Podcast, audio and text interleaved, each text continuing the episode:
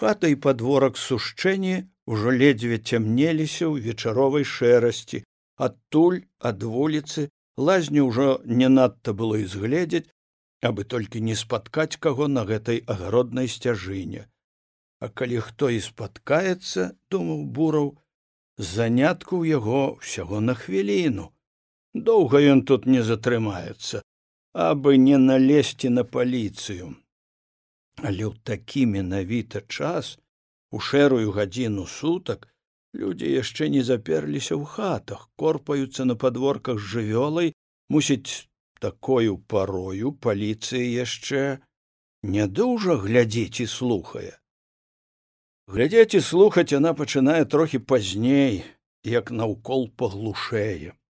З коньмі на павадах яны прыйшлі ў канец падворка якраз на дрывотню мабыць з нядаўна прывезенымі з лесу дрывамі яшчэ не ўпарадкаванымі на зіму якія бязладнай кучаю круглякоў грувасціліся ля плота. Побач валялася старое карыта нейкія брудныя вядзёркі прыслоненыя пад страхой да сцяны стаялі вілы і граблі з вуліцы дрывотні не было відаць а ад поля яе захінаў стажок на гародзе і бураў трохі паслухаўшы аддаў повод войціку. Стой тут і чакай. Калі што я стрэльну нядоўга каб нядоўга нядоўга войцік перахапіў вераўчаны повод абураў зняў з-за спіны карабіны таксама аддаў войціку.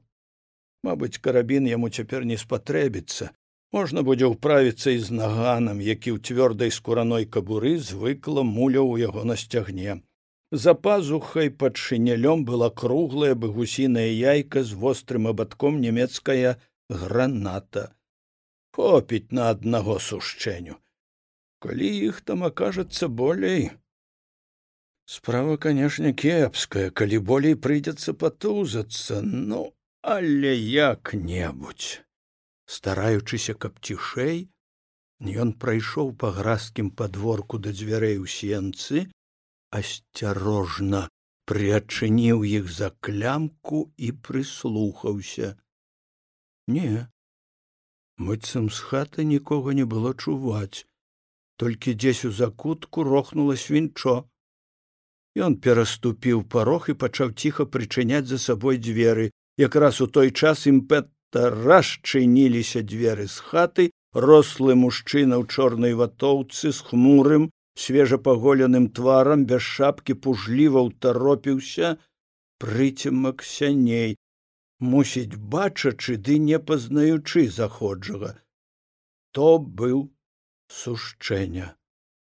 І бураў сціша назваўся з цемры. Можна да вас нахмураны твар сушчэння амаль не змяніўся толькі знерухоміў неяк і ён можа з трохі забольшанай паўзай маўклівасці шырэй расчыніў дзверы. З пэўнаю перасцярогай у душы бураў пераступіў і другі парог. Сушчэнне зачыніў зады ў дзверы і тады госць павітаўся. Прывітанне яго аднак засталося без адказу. Здаецца ў хаце не было больш нікога на краі стола смуродна блізкага генчык газнічкі за прычыненымі дзверцамі грубкі відаць было разгараліся дровы. У няпэўным бляску адтуль бураў згледзеў аднак шчыра зацікаўлены пагляд дзіцячых вачэй. Хлопчык гадоў чатырох узгробся з падлогі і всё узіраючыся ў яго патупаў насустрач у ягоных маленькіх ручках была груба выразаная з дошкі нейкая цацка рагулька якой той ляскаў сабе па далоньцы. А ў мяне во конік татка злабіў былое з радаснай гатоўнасцю працягвала яму сваю цацку і ў вачанятах яго было столькі даверу і дабрыні што бураў узяў цацку неўцямна пакруціў руках і пахваліў хорошы конь! Мне папка і сабацку злобіць з хвосцікам з хвосцікам гэта хорошо. А як цябе завуць мяне завуць глыша а татку сусцэня ну значыць будзеш рыгор сушчэння сказаў бураў Ён пашкадаваў ужо, што распачаў гэтую гаворку з дзіцём, якая адчуваў зусім не рабіла лягчэйшай ягоную задачу. Як бы не абцяжарвала нават тую задачу, ён павярнуўся да гаспадара, які змярцвела стаяў ля парога. Сядай, што ж выціснуў сябе гаспадар, не пазнаў спярша, змяніўся. Ды мусіць і ты змяніўся, сказаў бураў і адчуўшы раптоўнае нейкае нязвыклае для сябе хваляванне, сеў на лаву ў прасценку. Зараз жа да яго валюхаста падбег грышка і даверліва прыхінуўся да калена, звыкла забаўляючыся сваёй цацкай, а ў лённіка ёсць патлон аддана зазіраючы ў твар бурова даверліва паведаміў ён сто стлаляе бух! Вояк! Патроны цяпер не для рабят сказаў буром ды не патрон грыша зазначыў бацька. Гільза ў яго ёсць ага гільза грыша пакінуў свайго канька і болей зацікавіўшыся госцем уклаў каротенькі пальчык у рот пачаў разглядаць бурава. А я да цябе сушчэння паўсцюдзянелым голасам сказаў бураў трошки адхінаючы ад сябе малога. Той аднак настойліва цёрся аб яго каленам і куля у яго ёсціка ціха паведаміў грыша. Ладно грышачка ідзі на ложак там пагуляеш сказаў сушчэння і ўзяў сына пад пахі. Той крыўдліва забоўтаў нагамі захныкаў нават аднак бацька аднёс яго ў запечак і расслаблена вярнуўся да грубкі. А дзе жонка запытаўся бураў. Жонка ў хляве карову доіць. Сёння в лазню пратапіў мыцца сабраліся сказаў гаспадар і апусціўся на нізенькі зэдлік ля грубкі. Мыцца гэта хорошо сказаў бураў думаючы пра іншае. Канешне страляць сушчэнню ў хаце было нельга. Гэтае малое магло ўсё сапсаваць. Бацьку трэба было кудысь вывесці на падворак ці можа да лазні. Да лазні было б лепей праўда стрэл маглі пачуць і на станцыі а ім яшчэ трэба было пералазіць цераз рэчку лепш бы канешне за рэчкай адтуль цераз поле ў лес толькі як туды яго давядзеш а калі здагадаецца я знаў што прыйдзеце сказаў тым часам сушчэння з нейкай незразумелай пакорай у голасе якая штосьці няўцям пакаробіла ў душы бураў аднак ён не паказаў таго і амаль бадзёра зазначыў знаў это добра. Значыць віну сваю разумееш што ж тут разумець развёў рукамі сушчэння. Ніякай жа віны не маю воўчым загвоздка не маеш? Не маю а рабяты вырвалася ў бурова что повесілі рабят повесілі пагадзіўся сушчэння. І зноў абвяў з выгляду нагнуўшы галаву долу. Падобна было ён нават церануў пальцамі вочы але тут жа мабыць перасіліў сябе і выпрастаўся. Бураў ужо лаючы сябе за нерашучасць адчуваў як усё болей зяблі яго мокрыя ногі мокрая ануча на левой назе зусім смякчэлася і ў боце і муляла. Мусіць трэба было канчаць гэтыя размовы. Але ён неяк нядобра расслабіўся і бавіў час нібы баючыся пераламаць сябе на галоўнае. З-за печка да яго зноў прыкаціўся грышка. Дзядзя а у цябе наган ёсць спытаў ён зноў прыхінаючыся да яго калена. Не які наган? А во што гэта? Каротенькім пальчыкам ён паказаў на яго кабуру. Это так э, сумачка а на сто сумачка дапытваўся грыша смокчучы свой каротенькі пальчык. Неяк не ў прыкмет ён абняў калені бурава і ўжо ласкава як кацянят цёрся аб іх. Сушчэння тым часам сядзеў насупраць і не адганяў сына. Ён паглыбіўся ў свае мабыць невясёлыя перажыванні. У той час у сенцах грукнулі дзверы і ў хату не адразу неяк запаволена бы з ношай увайшла жанчына з вядром у цёплай ваўнянай хустцы на галаве згледзеўшы чужога на лаве відаць было боязна насцярожылася але тут жа яе ўвагу адабрала малое якое ўжо спрабавала ўзлезці бураву на калені. Грыша а ў дзядзі наган ёсць у сумацы паведаміў хлопчык. На твары ў гаспадыні штосьці здрыганулася як здрыганулася і ў душы бурава які адразу пазнаў гэтай жанчыне анелю крукоўскую з якой некалі тры гады вучыўся ў тутэйшай школе. Відаць яна пазнала яго таксама. Здравствуйте здравствуй анеля сказаў бураў. Ён не ведаў што тая дзяўчына стала жонкаю сушчэнні гадоў восем ён з ёй не бачыўся і нават нікога не пытаўся аб ёй і гэтая сустрэча сталася для яго зусім нечаканай. Але цяпер ён намогся робячы выгляд што паяўленне анелі зусім не навіна для яго што ён усё даўно ведае. Далей аднак размову іх не пайшла ба ім штось замінала.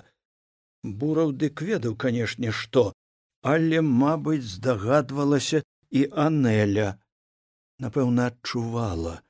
Тым не менш яна ўвачавіткі перасіліла сябе і нерашуча прапанавала трэба ж э, пачаставаць вас. Галодныя ж мабыць.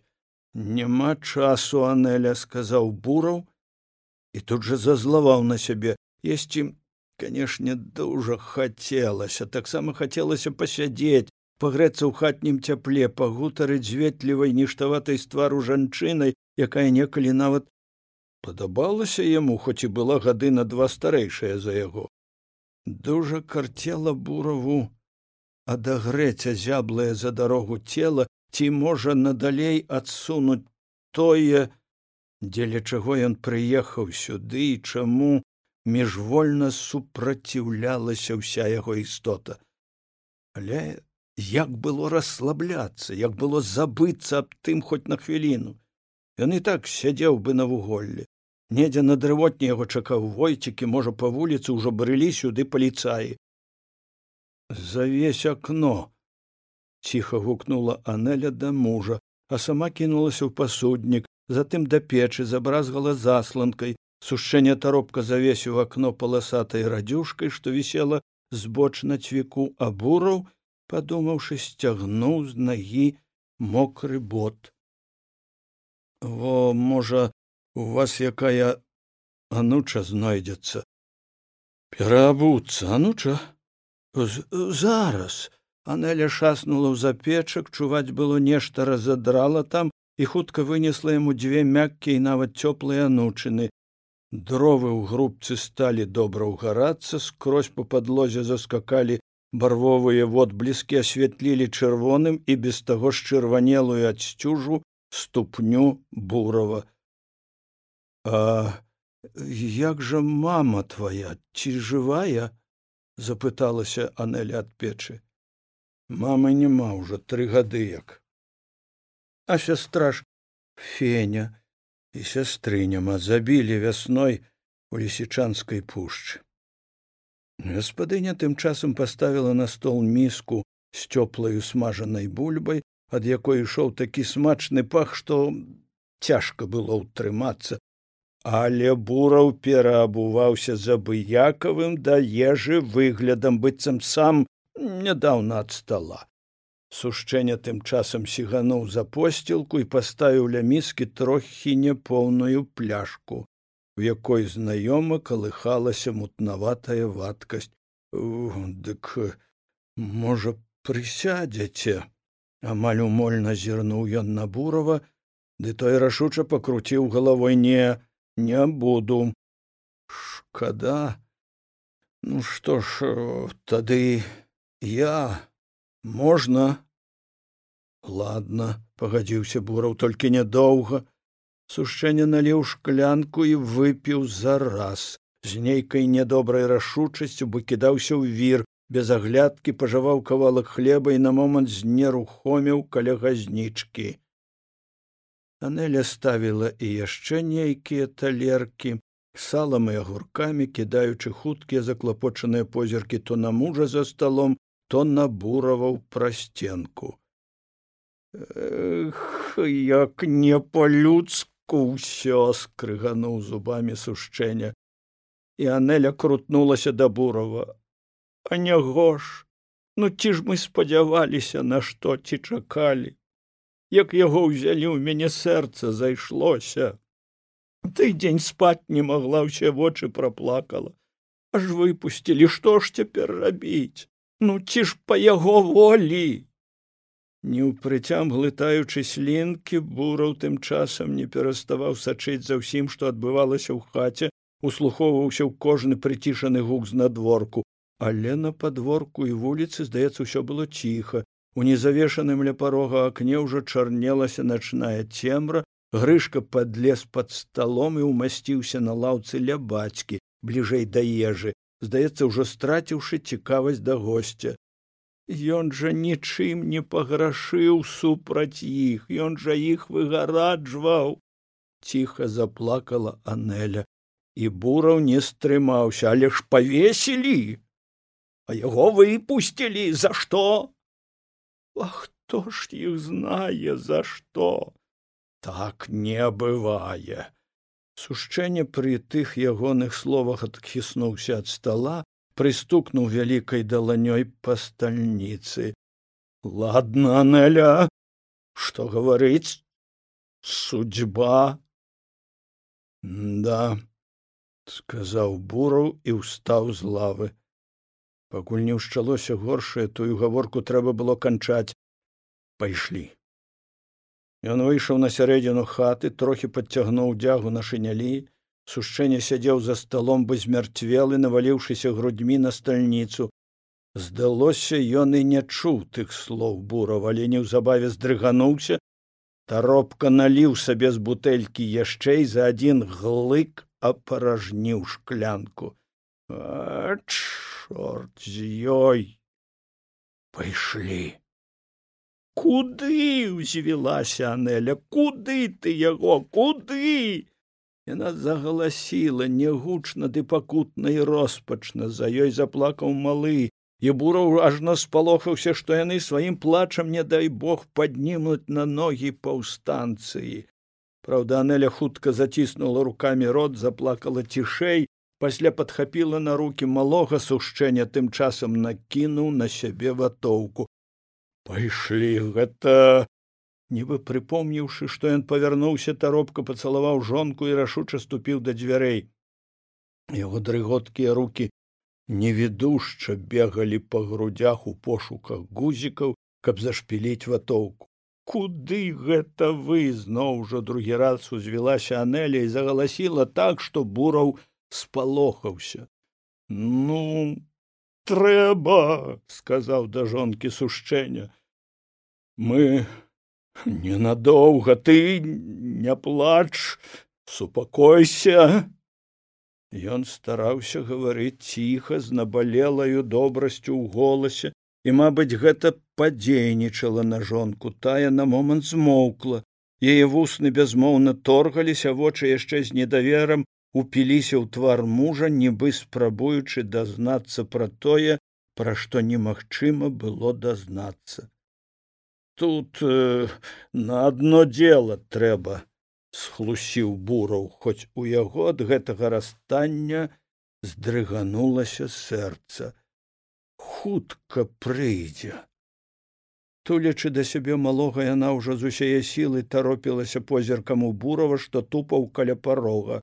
Таму уже не цярпелася скончыць все гэта і выйсці на двор прыйду ага спакайней пацвердзіў сушчэнне.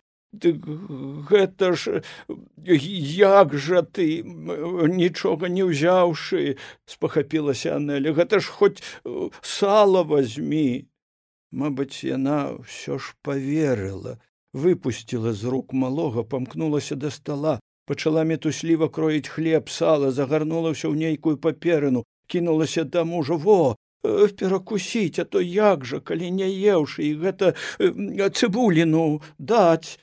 Ад не трэба махнуў рукой сушчэння другой неуважліва запіхваючы пакунак у цесную кішэню і анеля зноў насцярожыла. Насцярожылася.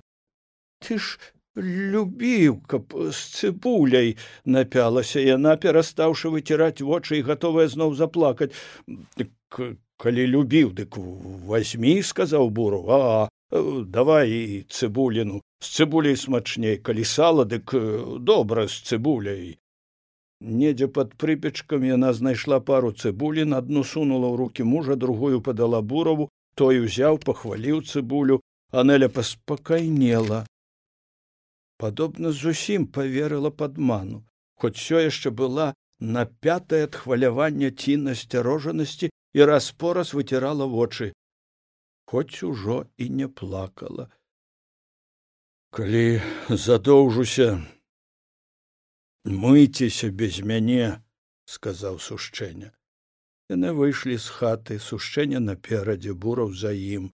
На дварэ ўжо сцямнелася дзьмоў рэзкі ветер але дажджу не было. Сушчэнне зрабіўся нейкі роспачна рэзкі ў рухах свайго дужага цела рашуча сігануў з ганка і спыніўся на гразкім двары. Куды?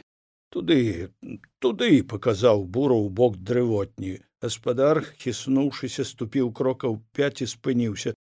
Лапату ўзяць? Возьмі што ж падумаўшы пагадзіўся бураў і пільна пасачыў як сушчэнне перабраў пад стрэшшы нейкія палкі выцяг з пад іх рыдлёўку. Што ж сам разумееш нібы вінавата нават сказаў буру. Калі выдаў сушчэнне рэзка павярнуўся да яго бураў з нечаканасці ж аж адхіснуўся і са сцішанай ярасцю кінуў яму ў твар. Я не выдаваў а хто ж выдаў спыніўся бураў не знаю. Не знаю. Але ж цябе выпусцілі выпусцілі сволачы выдыхнуў сушчэнне і зусім паныла дадаў лепш бы павесілі разам апошнія словы ён кінуў цераз плячо нібы з рэштаю слабай надзеі апраўдацца ці што але цяпер што карысці апраўдвацца падумаў бураў. Хіба ён следчы? Бураў не следчы ён выканаўца прысуду. А прысуд гэтаму чалавеку зроблены там у лесе. Ці яму перайначваць яго? Але як было і выконваць калі выканаўца таксама пахіснуўся в адчуванні свае праваты? Нейкая нам не такая аказвалася тая яго правата. Часу аднак у іх было мала нават зусім не было часу. Тым болей адчуваў бураў што ён проста можа завязнуць у гэтай заблытанай справе сушчэння і праваліць заданне. Яны таропка абышлі грувасткую кучу дроў і завярнулі на дрывотню дзе ціха тупалі ў змроку двое коней тырчала побач скалелая постаць войціка той аддаў бураву повод яго кабылкі яны хуткім крокам пайшлі сцежкай да лазні. Войцік спераду бураў ззаду між імі ішоў з рыдлёўкай у руцэ сушчэння. Надзіва бураў ні трохі не баяўся яго не апасаўся што ён можа ўцячы ці нават павярнуўшыся секануць па галаве рыдлёўкай. Ён не так разумеў як адчуваў што сушчэнню нешта моцна ўтрымлівае ад варожасці да іх двух. Хоць канешне той не мог не разумець што справы яго былі кепскія. Праўда, на ўсякі выпадак бураў пасунуў кабуру на дзязе бліжэй да спражкі не ў прыкмет расшпіліў яе язычок. Карабін ён нёс на плячы ўвесь час напружана згадваў дзе дзе яму расквітацца з гэтым чалавекам каб скінуць сябе гнятлівы клопат і знаёмымі шляхамі сцежкамі вярнуцца паначы ў пушчу? Штосьці аднак замінала яму нейкая няпэўнасць у абставінах ці што? Все ж на іхнім шляху была рэчка з нязручнай укладкаю цераз якую трэба было неяк пералезці на той бок у полі пад лесам адчувалася будзе трохі вальней чым на гэтых гародах под носам у бобікаў. Сам не прызнаючыся сабе ён між тым усё бавіў час міжвольна адсоўваючы кудысь той самы апошні момант. Штосьці ў ім яшчэ не саспела. Каб зрабіць усё канчаткова хутка і рашуча рэчку на гэты раз яны адолелі трохі спрытней чым нядаўна. Войцік узлез на каня і паціху пераехаў ля кладкі. Пакладцы на той бок даволі спрытна перабег сушчэння. Каб не мачыць ногі бураў таксама пераехаў на кабылцы. І яны спыніліся на дзірваністым беразе за лазнякамі. Бураў яшчэ нічога не вырашыў асушчэнне гэтую кароткую замінку мабыць зразумеў по-свойму ну што ж вы братцы? Амаль замаліўся ён. Бераг жа залівае тарфянік тут а ты што пясочку хацеў без пэўнага аднак намеру сказаў бору ах хоць бы і пясочку. Все ж лепей сам разумееш. Прыйдзецца ж некалі і самому. Пясочку сказаў буру падумаўш ну ладно поехали у сасонніку там пясок ну хоць у сасонніку дрыготкім голасам пагадзіўся сушчэння У полі было надта ветрана і зусім ужо цёмна, асабліва ў доле на чорнай мокрай раллі, толькі збоч на захмараным светлаватым фоне трохі вытыркалася прырэчнае кустоўе, а далей за полем чарнелася сцяна сасонніку. Бураў скіраваў той бок кабылку, яны паехалі цераз гразкае поле. Сушчэнне з рыдлёўкай на плячы шырока сігаў поруч.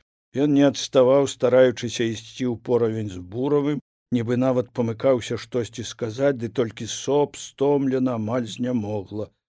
А бураў, гойдаючыся з боку на бок на вострай хрыбціне, думаў, што, мабыць, трэба наважыцца прыдбаць упэўненасці крутаватай рашучасці. Мала што ён кажа не вінаваты, але ж факты все факты якраз супраць яго і з іх самы жахлівы той што хлопцы пагінулі а яго выпусцілі ну што яшчэ трэба якія доказы рэйкі развінчвалі разам з гэтым вось брыгадзірам пуцейцаў. І ён нават не адмаўляе таго. А чаму выпусцілі растлумачыць не можа не знае. Але за так не выпускаюць гэта зразумела і дурню. А то знае адно цвердзіць не вінаваты не выдаваў нікога. Але ж во ідзе ведаеш куды вядуць і нават узяў рыдлёўку а ідзе не ўцякае не спрачаецца ідзе. Ці ішоў бы з такой пакораю не вінаваты можа менавіта так пакорна ідзе што не вінаваты чорт яго ведае думаў бураў пакутна адчуваючы што ўсё ў ягонай галаве пераблыталася што колькі не думаючы роўна чагосьці не зразумееш так усё ўскаламуціла гэтая жахлівая вайна ці можа ён бураў чагосьці не ведае Хаця што тут змянілася б, каб і ведаў усё. Ён жа прыехаў сюды не для таго, каб разбірацца ці штось зразумець. Яго дело надзвычай простае застрэліць здрадніка. Каб іншым была навука, каб ведалі, як партызаны караюць тых, хто адступіўся ад сваіх услужыў немцам. Не вагацца тут нельга трэба рашучай рукой выкараняць погань. На ўзлеску яны пераехалі пустую гравійку і бураў саскочыў з кабылы ехаць па хмызняку ноччу было не надта каб зручна пакуль ён злазіў сушчэнне спыніўся хвіліну шчакаў побач войцік таксама спешваўся ззаду. У лесе скрозь было мокра і золка зверху з голля падалі за каршэнь сцюдзёныя кроплі але вецер тут трохі паменшаў і здавалася зацішней чым у полі. Тут пагорак недзе прыпамінаючы знаёмую мясціну сказаў бураў сушчэнне згодна кіўнуў галавой. Ды во баравінка зараз ну давай ідзі першы сушчэнне моўчкі пайшоў наперадзе бураў за ім ведучы на повадзе кабылку. Голле часам здзірала з галавы шапку ён ледзьве паспяваў адхінацца ад судча. Раптам бураў падумаў што гэтак сушчэнне можа і ўцячы. Я ж наспалохаўся на момант ты толькі на момант. Бо сушчэнне ў лесе нават не прыбавіў хады нават часам прытрымліваў у руках якую галінку каб дужа не сцёбнуць бурава. Але прыдарожны падлесак хмызняк хутка скончыўся. Яны выйшлі да баравінкі. Засланіўшы змрочнае неба наўкол пасталі таўшчэнныя хвоі і іх ціхі нягучны пошум плыў у гары чысты без травы дол под нагамі пачаў паднімацца на невысокі пагорак прывабную баравінку ў лесе. Бураў памятаў яе з дзіцячай пары. Тут вясной хлопцы палілі вогнішчы гулялі ў вайну улетку под хвоямі любілі адпачыць лясныя захожыя. Баравінка невысокім валам агінала ўзлесак далей зноў пачынаўся мешаны зараснік хмызняку асіны і бярэзніку яны ўзлезлі на самы яе верх і спыніліся скрозь было ціха цёмна патыхала лясною сырызнай хвояй. Наўкол у доле чарнеліся тоўстыя камлі хвой, кубкі ядлоўцу, нейкія незразумелыя і страхавітыя плямы. Але бураў даўно ўжо прывык да загадкавага выгляду начнога лесу, той яго мала трывожыў. Цяпер яго болей трывожыў сушчэння. Ну, знарок бадзёра сказаў бураў чым не мясцінам на любы выпадак выпадак каб мне сказалі калі пачаў і не скончыў сушчэння паныла апусціўшы вочы ён стаяў на пагорку пераводзіў дых усім сваім апанураным выглядам сведчачы што робіцца несправядлівасць супраць якой ён знямогся пратэставаць і змушаны ёй падпарадкавацца. Бураў бачыў гэта яму ўсё болей рабілася ніякавата ад сваёй незайздроснай ролі ў гэтай гісторыі. Хоць ён і гнаў ад сябе тое недарэчнае адчуванне. І ён сказаў нібы для таго каб трохі паспачуваць сушчэнню. Канешне ўсё бываем такую вайну. Але ж гэта дзіка ледь не закрычаў сушчэння. І бураў схапіўшыся шыкнуў на яго ціха ты і азірнуўся на войціка які стомлена стаяў з канём трохі ніжэй ад іх на схіле пагорка. Войцік ты ад'едь там к дарозе папільнуй каб чаго.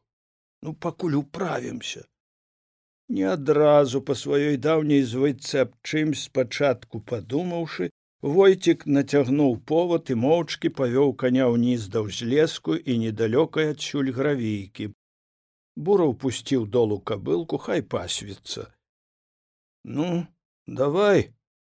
Дзе ты хочаш проста як пра штось малазначнае запытаўся ён у сушчэнні той нібы ачнуўся ад задумення і сілай дзеўбануў рыдлёўкай у мох там дзе стаяў праўду сказаў гросмаер у яго ўжо не выкруцішся ага Ужо і грасмаер нейкі падумаў бураў ось так і высвятляецца. Ці не сувязь высвятляецца? Ён трохі адышоўся ў бок каб не замінаць сушчэнню стаў на пагорку.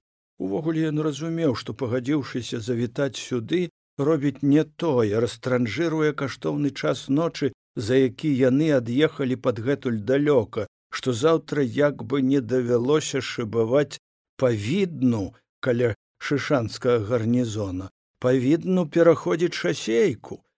Але міжволі ён усё нешта адцягваў.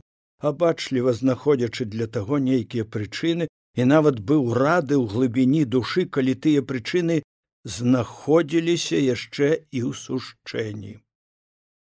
Моўчкі з нейкаю нават упартай зацятасцю сушчэнне тым часам узяўся капаць сабе яму.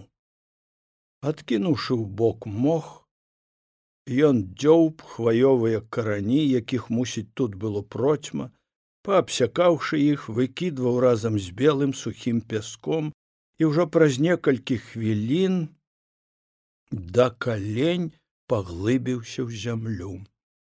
Яшчэ пакапае трохі і мабыць будзе даволі са страхавітай рашучасцю падумаў бураў все ж трэба канчаць як гэта зрабіць ён так і не надумаў за вечар ці стрэльнуць яго ў яме ці над ямаю страляць у грудзі або ў патыліцу як лепш.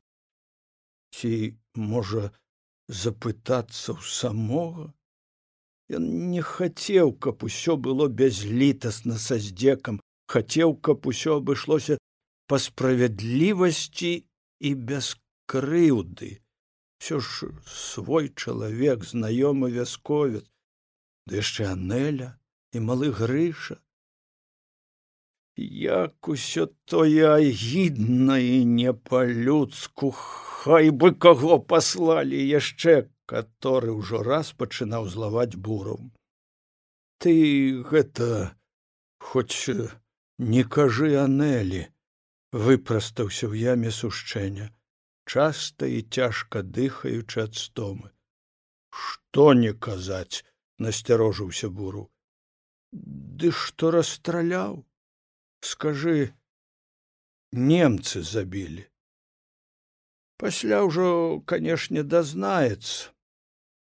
Там відаць будзе адказаў буру дзівак чалавек падумаў ён пра сушчэнню які трохі перадыхнуўшы зноў у лёгу работ пра што клапоціцца?